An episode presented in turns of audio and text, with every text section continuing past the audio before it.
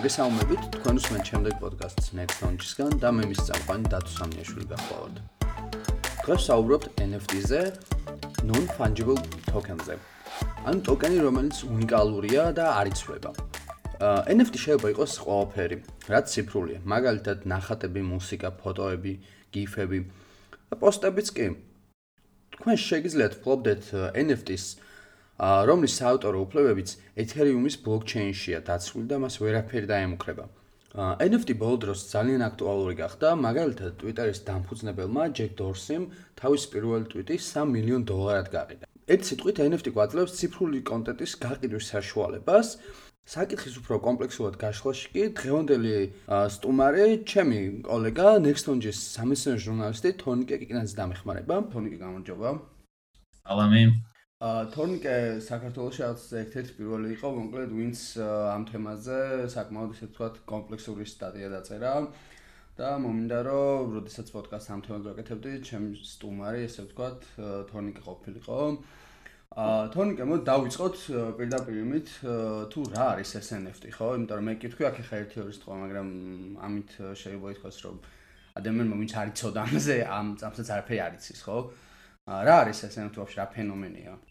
NFT არის შენ როგორც აღნიშნე non-fungible tokens ინგლისურად, რაც ნიშნავს, რომ ანუ ყველა ტოკენი ეს კონკრეტ ინფორმაციის გარკვეული რაც ინფორმაციის შემცველი ტოკენები არის უნიკალური და მათი რაც შეცვლა არის შეუძლებელი. მაგალითად, ვინც იცის ვისაც სმენია რა ბიტკოინის შესახებ, ბიტკოინი არის კრიპტოვალუტა, რომლის შეცვლაც ან გადაცვლაც შეიძლება მაგალითად ერთი ბიტკოინი აიღო და გადაცვალო ეთერიუმში თუნდაც ან ნებისმიერ სხვა ტოკენში, სხვა კოინში.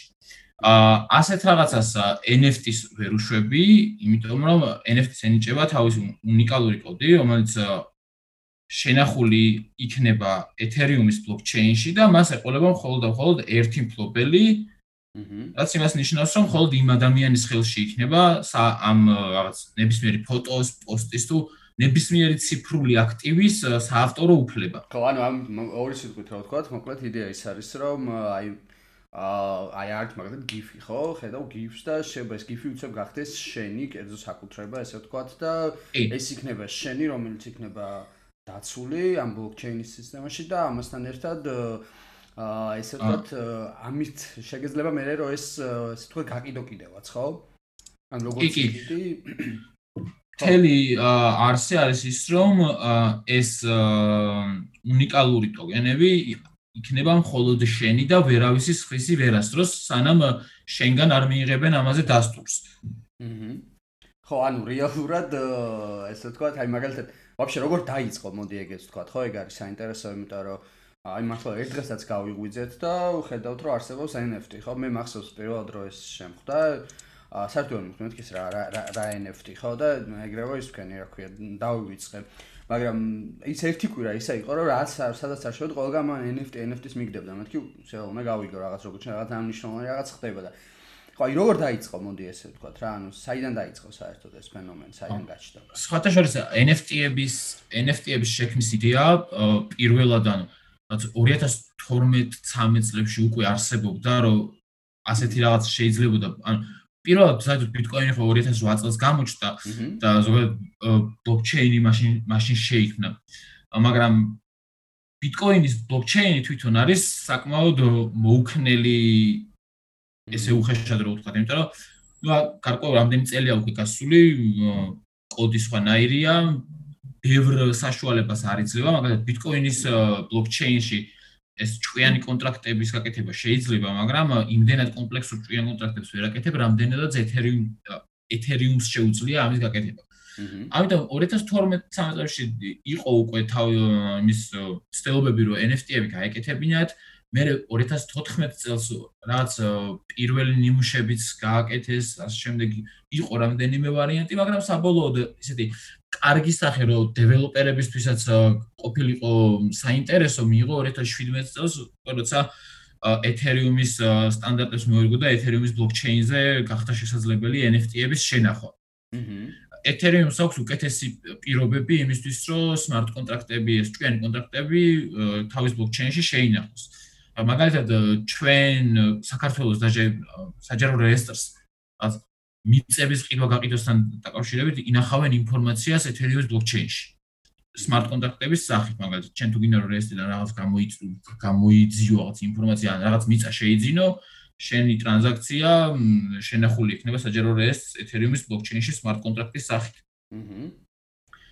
აი, ხოდა, ამის შემდეგ უკვე ესე კი რაღაც წლებით ადრე იყო, ხო, მაგრამ ამის ბუმი ესე ვთქვათ, ან ესე მასიურად გავრცელება მოხდა სულ ცოტა ხნის წინ, ხო?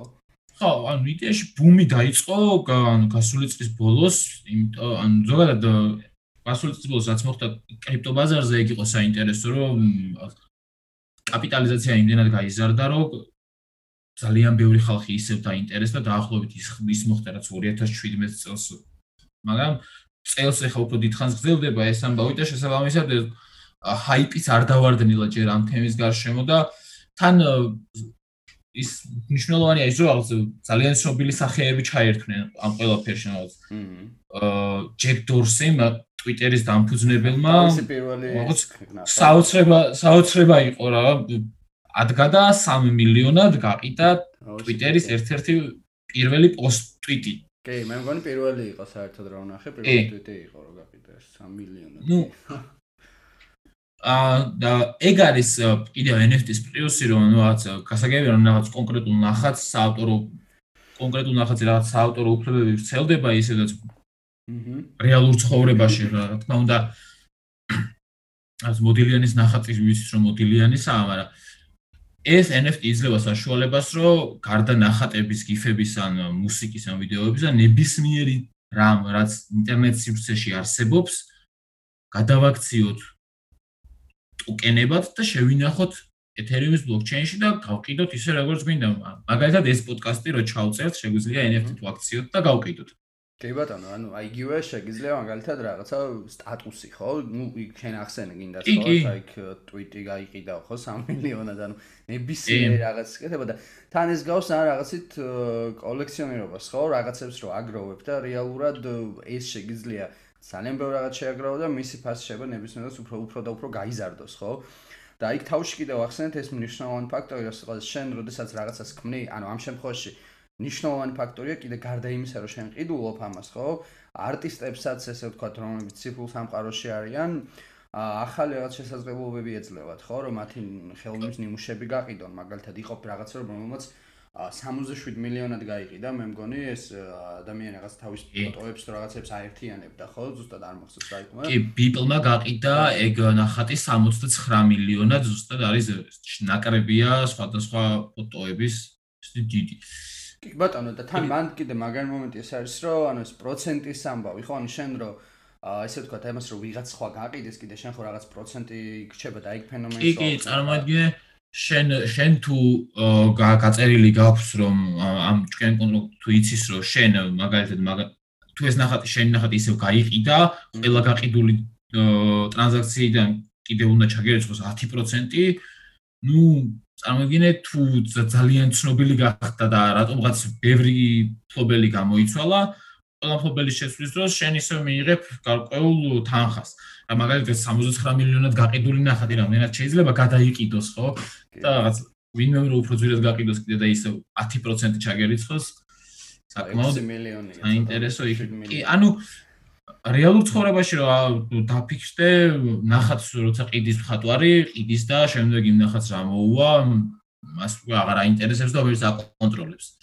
ხო იმით აქ შენ ხო ხო კონტროლი ერთგვარი კონტროლი ან კონტროლი რა საავტორო უფლება კი გადადის ახალმხლობელზე მაგრამ ის კონტრაქტი რომლითაც ეს ხდება არ იცვლება ხო ანუ რეალურად ეხა ირო დაფიქრდე ამას. მაინც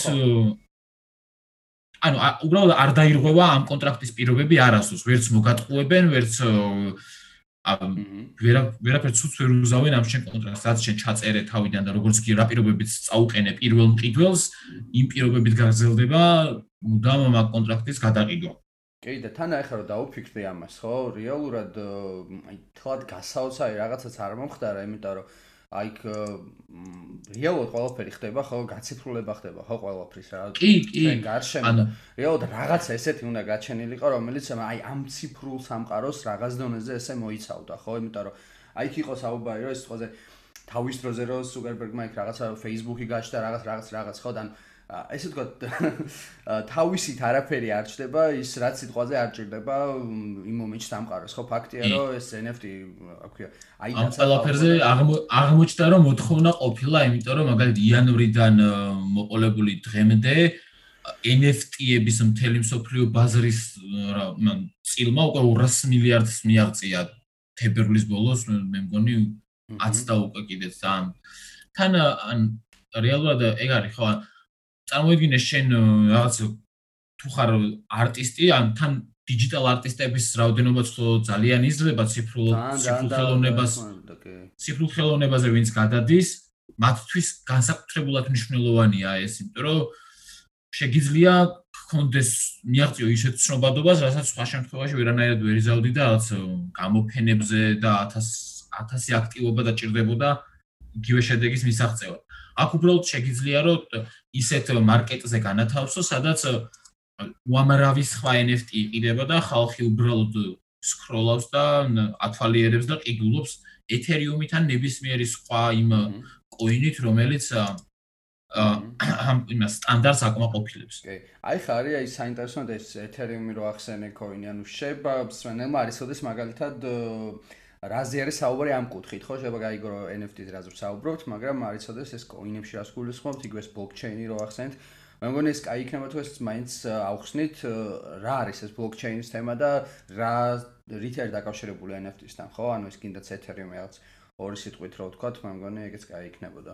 ან ბლოკჩეინი იდეაში ამ მარტივად რო ვთქვა, არის რაღაც ეს მუდმივი მზარდი ჩანაწერების სია, რომლებიც ამ კრიპტოგრაფიულად არის დაცული და ანუ ბლოკებს ვეძახით, ანუ კეთდება ან ინფორმაციის შემცველი ბლოკები, რომლებიც ერთმანეთთან არის დაკავშირებული უნიკალური კოდებით და ყველა მომდევნო ბლოკმა იცის წინა აქვს წინა ბლოკის უნიკალური კოდი, რაც ერთიან ჯაჭრს ქმნის, რომლის გარღვევაც ხდება საბოლოოდ შეუძლებელი, იმიტომ რომ უკანასკნელმა და უკანასკნელმა და პირველმა ბლოკმა იციან ანუ ერთმანეთთან აქვთ კავშირი და ვერცერთ ბლოკს ვერცერთი ბლოკის შემცველი ინფორმაციას ისე ვერ შეცვლი, რომ სხვა ბლოკმა ვერ გაიგოს და შესაბამისად ეს ხდის მას ანუ განსაკუთრებულად დაცულს და მოქნილს.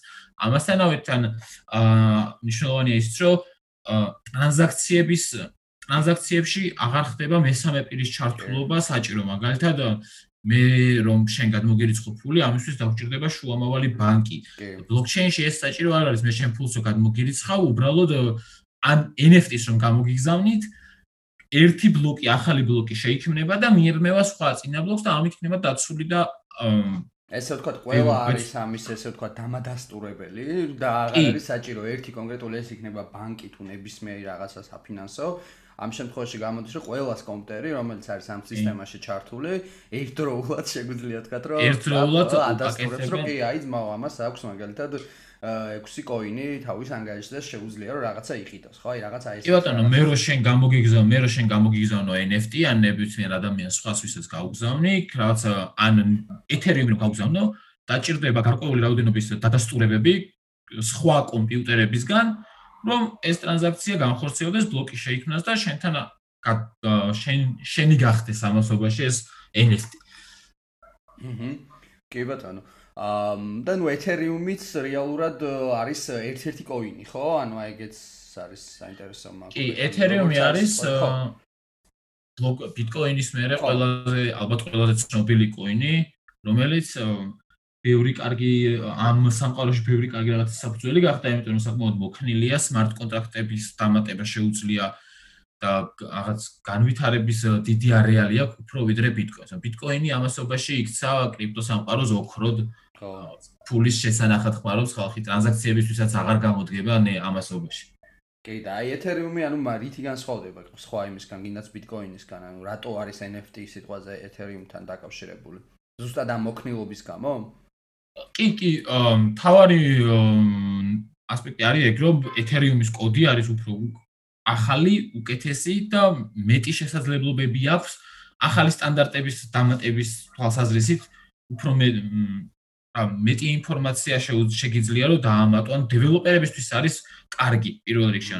ახალი ფუნქციები რო შესძინო, აა უფრო მარტივია. წარმოიდგინე ძალიან უხეში მაგალითი რო ავიღოთ, რო აიღო ძველი Nokia რამ რომელიმე მობილური, ისეთ აპდეიტს რო Nokia-ზე ვერ გამოუშვებ, რომ გახდეს iPhone 12. აჰა. iPhone 12-ზე განახლებები მოვა კიდევ დიდხანს და 5 წლის განმავლობაში მინიმუმ იქნება ძალიან მაგარი. აი ესეთი სხვაობა ტექნოლოგიურად არის განსხვავებული ერთმანეთისგან. აჰა. კი ბატონო.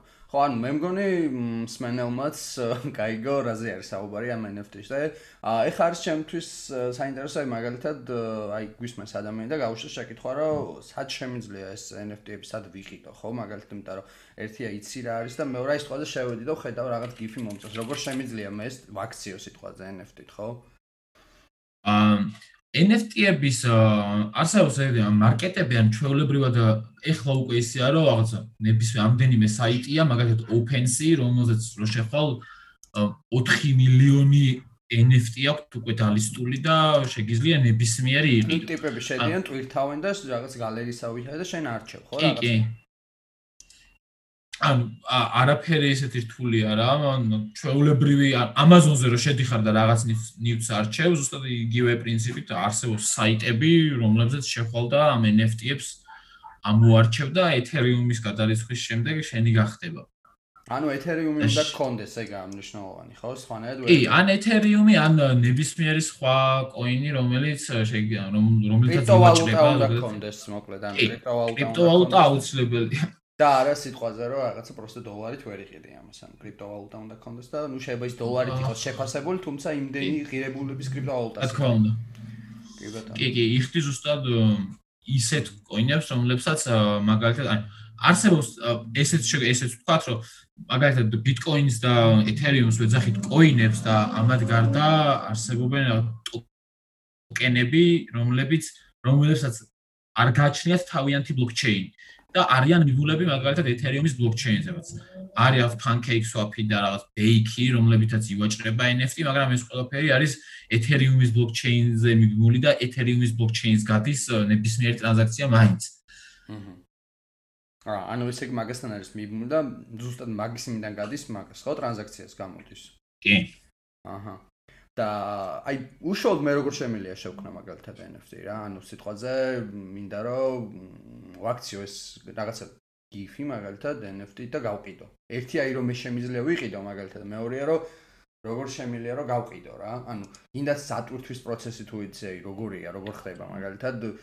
მაქვს ან გინდა ციფრული არტისტი ვარ რაღაც ხელნებს ნიმუშ გავაკეთე და მინდა რომ შევაფასო ეს ხო? აი ეგ როგორ ხდება აი ეს არის მაგალითად NFT-ები რო შექმნა ბინან ეგეთი მსოფლიოს ყველაზე დიდი კრიპტო ბირჟა არის Binance, რომელსაც აქვს თავისი Binance-ის smart chain-ი, ჭვიანი ჯაჭვი, რომელიც გაძლევს საშუალებას, რომ Binance-ის smart chain-ზე შექმნა აქციო შენი გიფიან რაღაც თელი ტუტორიალი, როგორ უნდა შეხვიდე და გააკეთო NFT-ები.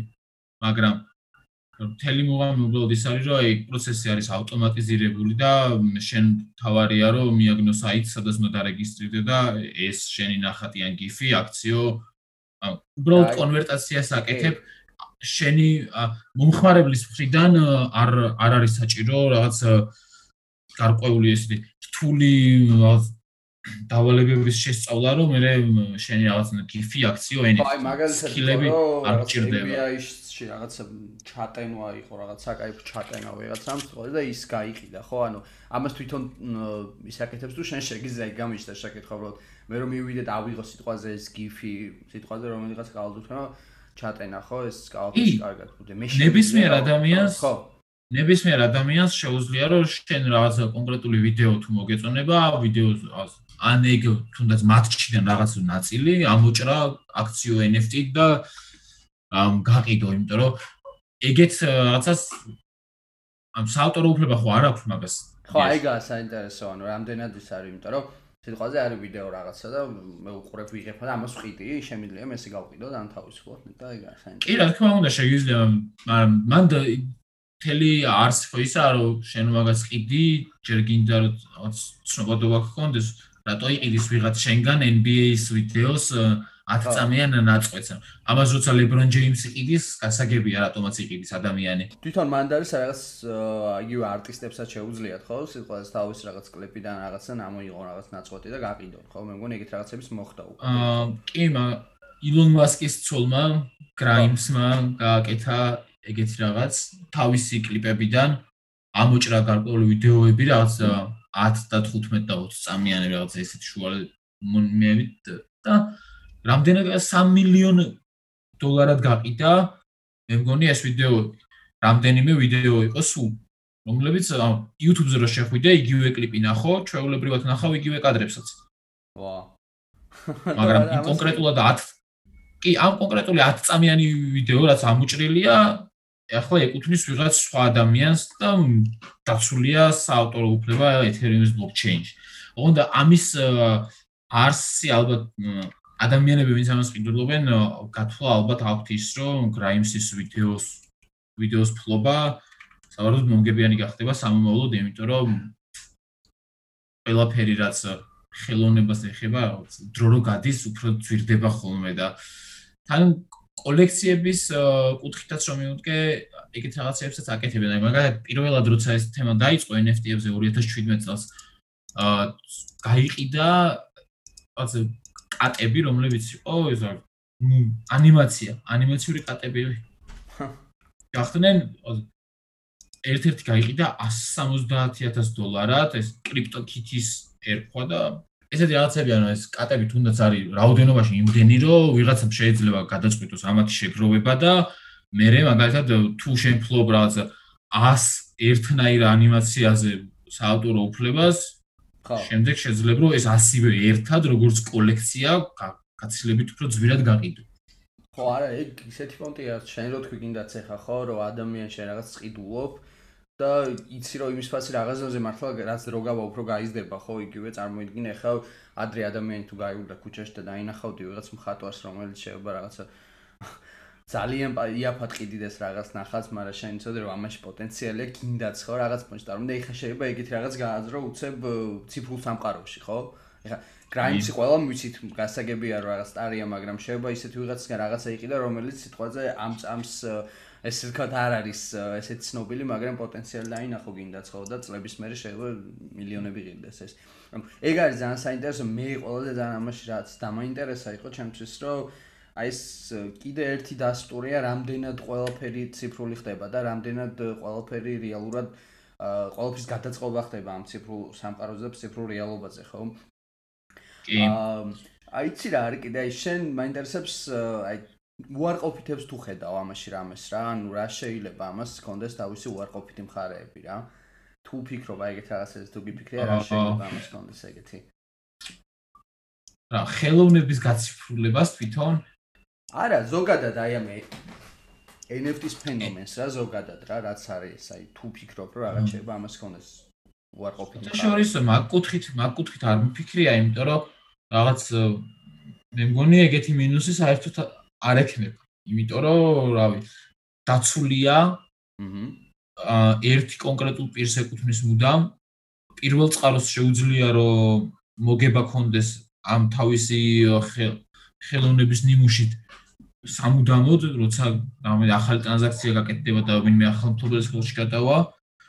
აა რა პრინციპში ცუდი არ ამგონია რამე იყოს უბრალოდ რა არის ცი თავიდან როგორც ყველა საკითხი ისეც ახალი როცა რაც ალოგიკურ თანხებთან კი. ფიქსირდება ხო ან ალოგიკური თანხები შეიძლება გადაიხადოს ზოგმა ადამიანმა რაღაცებში მაგრამ ესეც რავი არ ნაკლებად გონია რამის პრობლემა იმიტომ რომ ყველა იმას იხდის რაც თვითონ სულ იმაში იხდის ფულს რაც სურს მაგრამ ერთადერთი ნაკლი ალბათ შეიძლება ის იყოს რომ ამ ყველაფერსაც ჭირდება რაღაც ბლოკჩეინის მუშაობა და ბლოკჩეინი ბლოკვა ენერგია რეალურად ხო? რასაც მოიხმართ და გარემოსთვის არ არის ეს კარგი. ხო აი ბილ გეიტსი ამოლაპარაკობდა მე მგონი ამ რამდენიმე ხნის წინ იმაზე რომ ბიტკოინის და ბიტკოინის გამომუშავება გარემოსთვის ცოტა არ იყოს დამაზიანებელიო.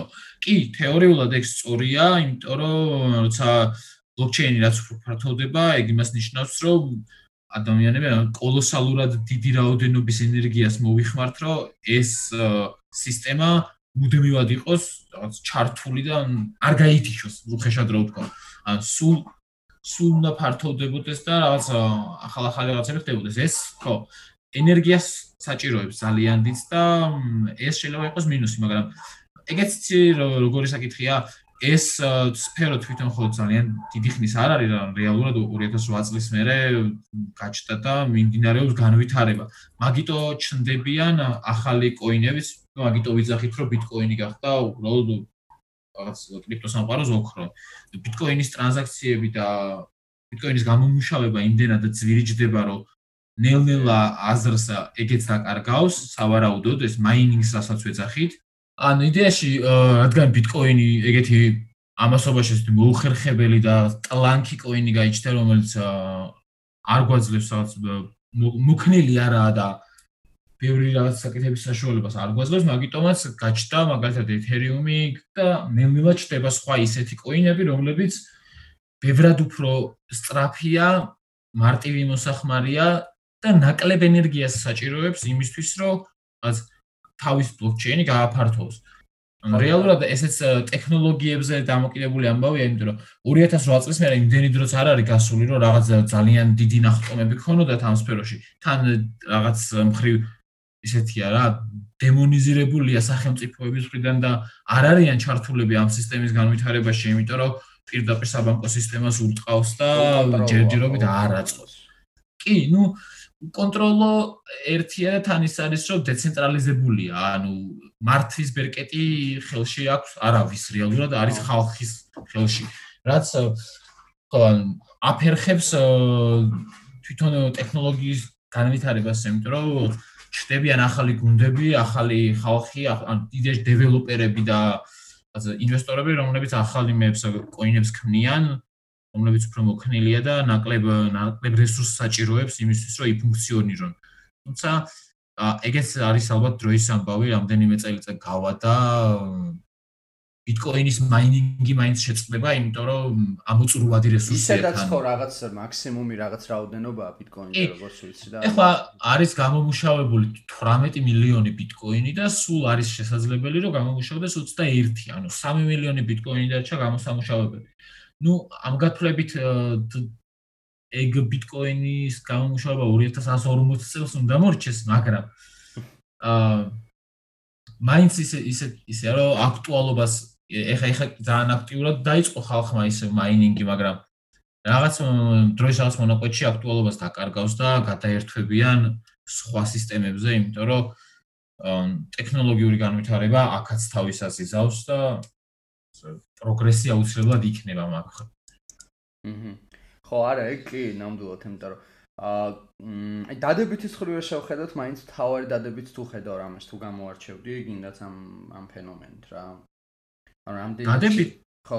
თი დადებით ალბათ პირველ რიგში არის ის, რომ თუ მაგალითად ან მე ვარ არტისტი ამ NFT-ებით შემიძლია რომ ჩემი ცნობადობა გაცილებით გავზარდო, თან მით უმეტეს ახლა როცა ყველა ამ თემის გარშემო რაღაც თუ არ საუბრობს დაინტერესებული მაინც არის და ერთხელ მაინც შეხვედრია შენ როგორც არტისტმა NFT რო დადოსადმე ან წარადგინო, მგონია რომ ძალიან დიდი დაინტერესება იქნება აუცილებლად, რომ ახალი ხილია და ახალი ხილი ადამიანებს უყვართ ხოლმე. თან საინტერესო პროცესია რომ ამ კრიპტოსამყაროში ერთვები არა იმ კუთხით, რომ რაც ბიტკოინს ყიდულობ და ვაჭრობ ბირჟაზე. არა, უბრალოდ ხელოვანი ადამიანი ხარ და კრიპტოსამყაროში ჩაერთე შენი ნახატების გაღიდი მაგალითად.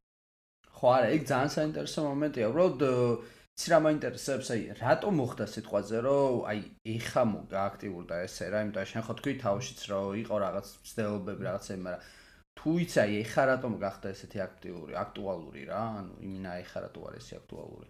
ну, ჩემი აზრით პირველ რიგში განაპირობა იმან, რომ ზოგადად კრიპტოვალუტების ეს კრიპტოვალუტების ზრდამ გამოიწვია ხალხის ძალიან დიდი დაინტერესება. ამ დაინტერესების შემდეგ ვიღაც ადამიანები დაინტერესდნენ უკვე ამ იდეაში მივიწყებული თემით, იმიტომ რომ ეს 2017 წლიდან NFT-ების შექმნა ყველა შეეძლო, მაგრამ ესეთი ესეთი მithkma მოთქმა არ ყოფილა მათ გარშემო. ა ხო ანუ იდეაში 2017 წლიდან უკვე NFT-ები არსებობს იმ სახით იდეაში რასახითაც აი ხალხი ხედავთ მაგრამ აა 2017 წელს ეს კრიპტო კრიპტოსამყარო ხო იდეები თვითონ ჩამოიშალა ძალიან დიდი ზრდის მერე ვარდნა იყო სერიოზული ხალხმა მიივიწყა და ეხლა რაც კაპიტალიზაცია ისევ გაიზარდა და თან რეკორდულ მაჩვენებლებს მიაღწია 2 ტრილიონსაც და უკვე კრიპტო ბაზრის კაპიტალიზაცია ხალხი ისევ დაინტერესდა და დაინტერესდა ცნობილი სახეებით თავარი ალბათ ეგ იყო.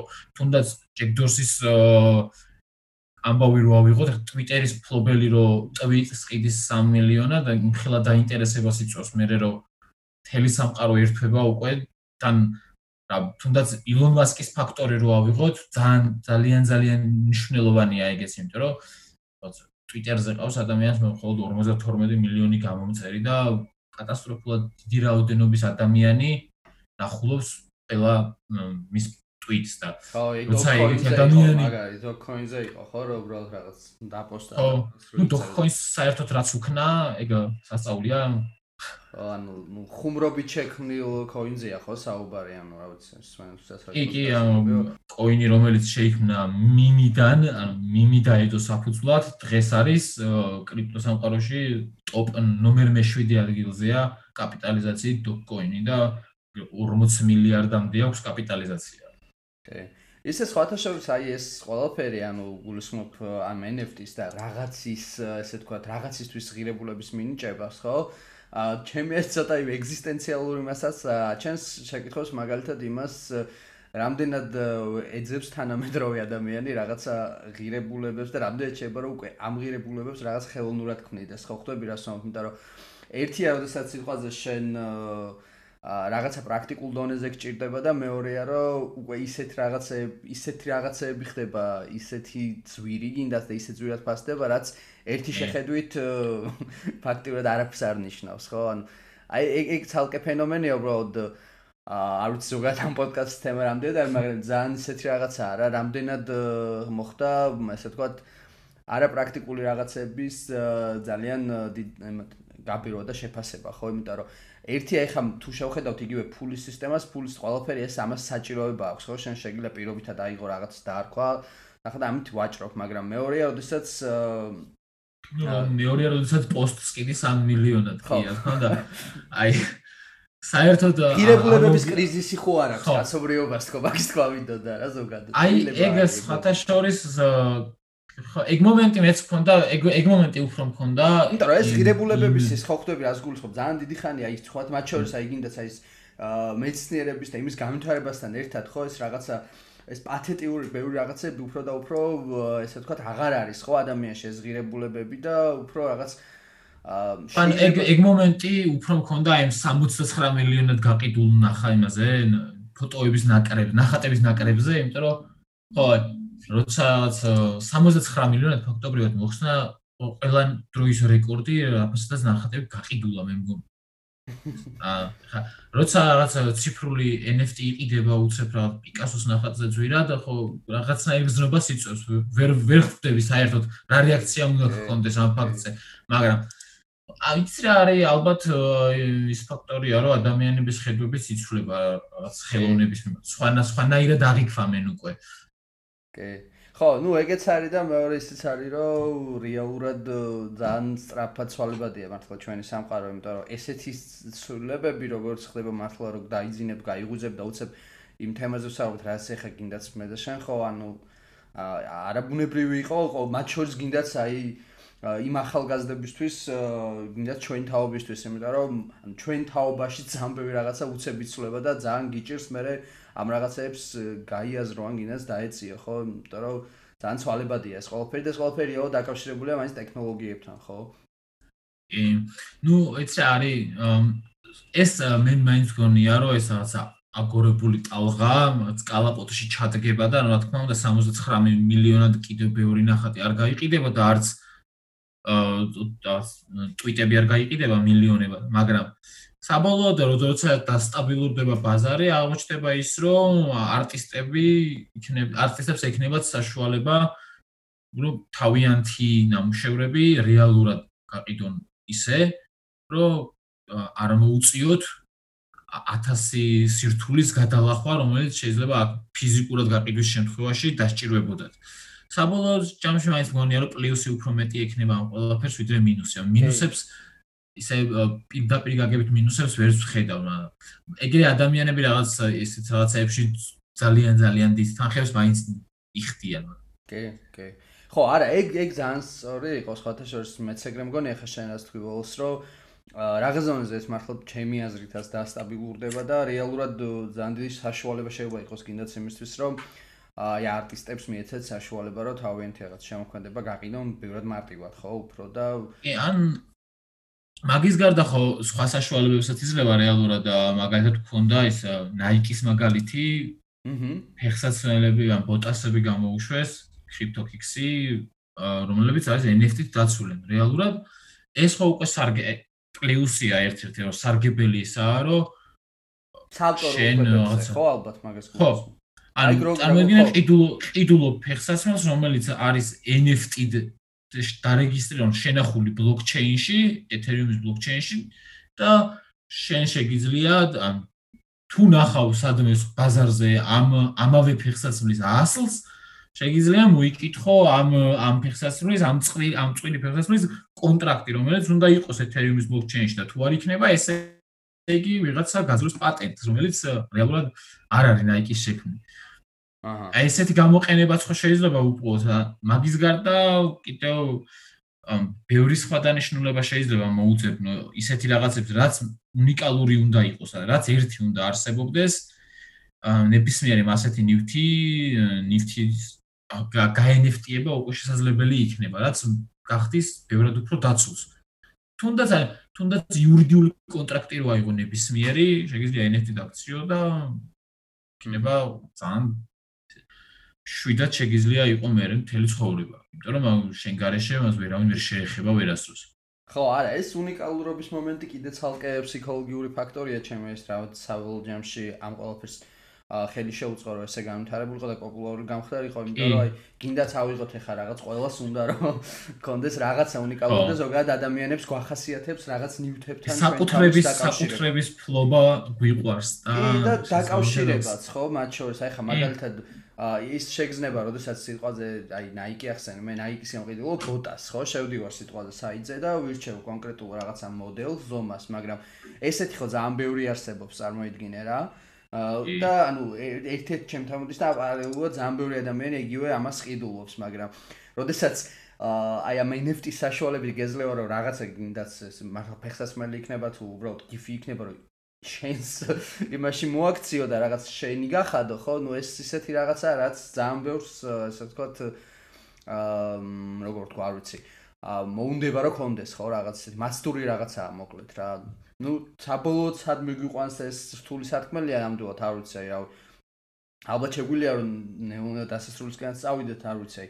პროგნოზები შეგვიძლია რომ გავაკეთოთ ხო? აი რა როგორ წარმოგიდგენთ აი ხელოვანები ახლა ჩვენ ასე საუბრობთ ამ ყველაფერზე უნდა Nike-საც შევხვდეთ მაგის გარდა არის ბევრი კიდე ისეთი მომენტია მაგალითად მუსიკოსებისთვის არის მნიშვნელოვანი იმიტომ რომ აი თუნდაც ნებისმიერი მუსიკოსი რომელიც Spotify-ზე ანთავსებს მუსიკას გარკვეულ წილს როცა ხალხი usmens ამ მუსიკას გარკვეულ წილს იღებს Spotify-ზე. აჰა. ამ დროს მე ანუ ხშირად არის ხოლმე პრობლემები, მაგალითად Spotify-ი რამდენიმე ხნის წინ მთელი კორეული პოპის და ათასობით შემოქმედება წაშალა, იმიტომ რომ უბრალოდ არტისტებთან ვერ ვერ მოგვარდნენ იმ პროცენტზე, რომელიც უნდა ჩაერიცხათ მათთვის. ამ პრობლემასაც ხსნის ეს NFT, იმიტომ რომ შებისიერ არტისტს შეუძლია რომ თავისი ალბომი დადოს NFT, გაყიდოს ერთხელ გაყიდოს რაღაც კონკრეტულ თანხად და შემდეგ აქვს ყველა მოსმენაზე ერიცხებოდეს რაღაც მიზერული თანხა, რაღაც 0.0001 თეთრიც რო გაწერო, თუ ვიღაცა 1000 ჯერ მოусმენს, შენ ჩაგერიცხება 1000 ჯერ ეგ ფული და არ მოგიწევს მოყაც ისევ მესა მესამე პირის მესამე პირთან ლოგინიან კონტრაქტების თანხმება რომ თანხაზე შეთანხმება. ბევრ პრობლემას აგვარებს რომელიც რეალურად შუამავლების როლს აქრობს ამ ტრანზაქციებს შორის. კი, კი, კი. ხო არა, ფაქტია რომ რაღაცა ისეთი რაღაცა რაც საინტერესოა და ჩვენ კიდე არ ვიცით რაღაც მომენტში როგორ გამithარდება ეს ხო და ეგ ცალკე ინტერესს აჩენს, იმიტომ რომ ხვალ შეიძლება ამასეთ რაღაცები დაემატოს, რამაც ბევრი რაღაცა საერთოდ შეცვალოს, ხო? აა ნამდვილად მასეა თან განვითარების პოტენციალი აქვს ძალიან ძალიან დიდი რაც რეალურად ნამდვილად კარგი არა. არ მგონია ყოველ შემთხვევაში რომ ამ რაღა ამან ამ ყველაფერმა უფრო მეტი ცუდი მოიტანოს ვიდრე კარგი. ხო, არა, თან ეს ბლოკჩეინის თემა იმდენად საინტერესოა ზოგადად და აა იმდენად ჩემი აზრით დროთა განმავლობაში უფრო და უფრო აქტუალური გახდება. ხო, ძალიან ბევრი მათ არც იცის ხო ამ ბლოკჩეინის არსებობაზე და რაღაც საერთოდ ისეთი ინსტრუმენტია, რომელსაც აა ძალიან ბევრი რაღაც შეცვლა შეუძლია და უკვე შეცვალ კიდევაც ხო და კი კი აი როგორც უკვე აღნიშნეთ ეს საქართველოს იუსტიციის სახლიც კი იყენებს უკვე ბლოკჩეინს იმისთვის რომ გარკვეული კონტრაქტები ადამიანებთან დადებული კონტრაქტები შეინახონ ისე რომ დაზიანების და მოპარვის და გაჟონვის საფრთხე არასდროს არ შეექმნათ. ხო მაგარია კიდე ნუ ისეც კიდე ვიღაცას თუ შეიძლება რომ სიტყვაზე თავისი სტატუსი გაყიდოს, ოღონდ გულისხმობ არა სტატუს ზოგადად საფრთხეში არ ამი და აი Facebook-ზე რო სტატუს დაწერ და აი ეს რო გაყიდოს, რა ვიცი, გაყიდოს, რატომაც არა ხო? გაყიდოს, თუ მყიდოს იპოვის გაყიდოს, რა თქმა უნდა. კი, კი, ნუ ეგ ცალკე საინტერესო, იმიტომ რომ ისედაც რო დაფიქრდე, ყველა ვცდილობთ რომ ჩვენი რაღაც ციფრულ სამყაროში ჩვენი კონტენტს მაინც ვცდილობთ გავყიდოთ, ხო, გინდაც უბრალოდ სტატუსს რო წერ. იცი რომ ამას ადამიანები ნახავენ და რაღაც დონეზე ყველაფერი რაღაც დონეზე გარკვეულ აუდიტორიაზე თვლი და თუ ამ აუდიტორიაში ვინმე თანხის გადამხდელის გამოჩნდება, მაგას საჯობია. კი ბატონო. კარგი, რა ვიცი. მადლობა შენ სტუმრობისთვის და ნახოთ რა იქნება შემდეგში დავაკვირდეს და იქნებ რაღაც მსგავს თემაზე კიდე ცოტა ხანში მოგვიწიოს პოდკასტი. მადლობა თქვენ პირიქით და კი საინტერესო იყო ჩემთვისაც. მადლობა. ნახვამდის მადლობა.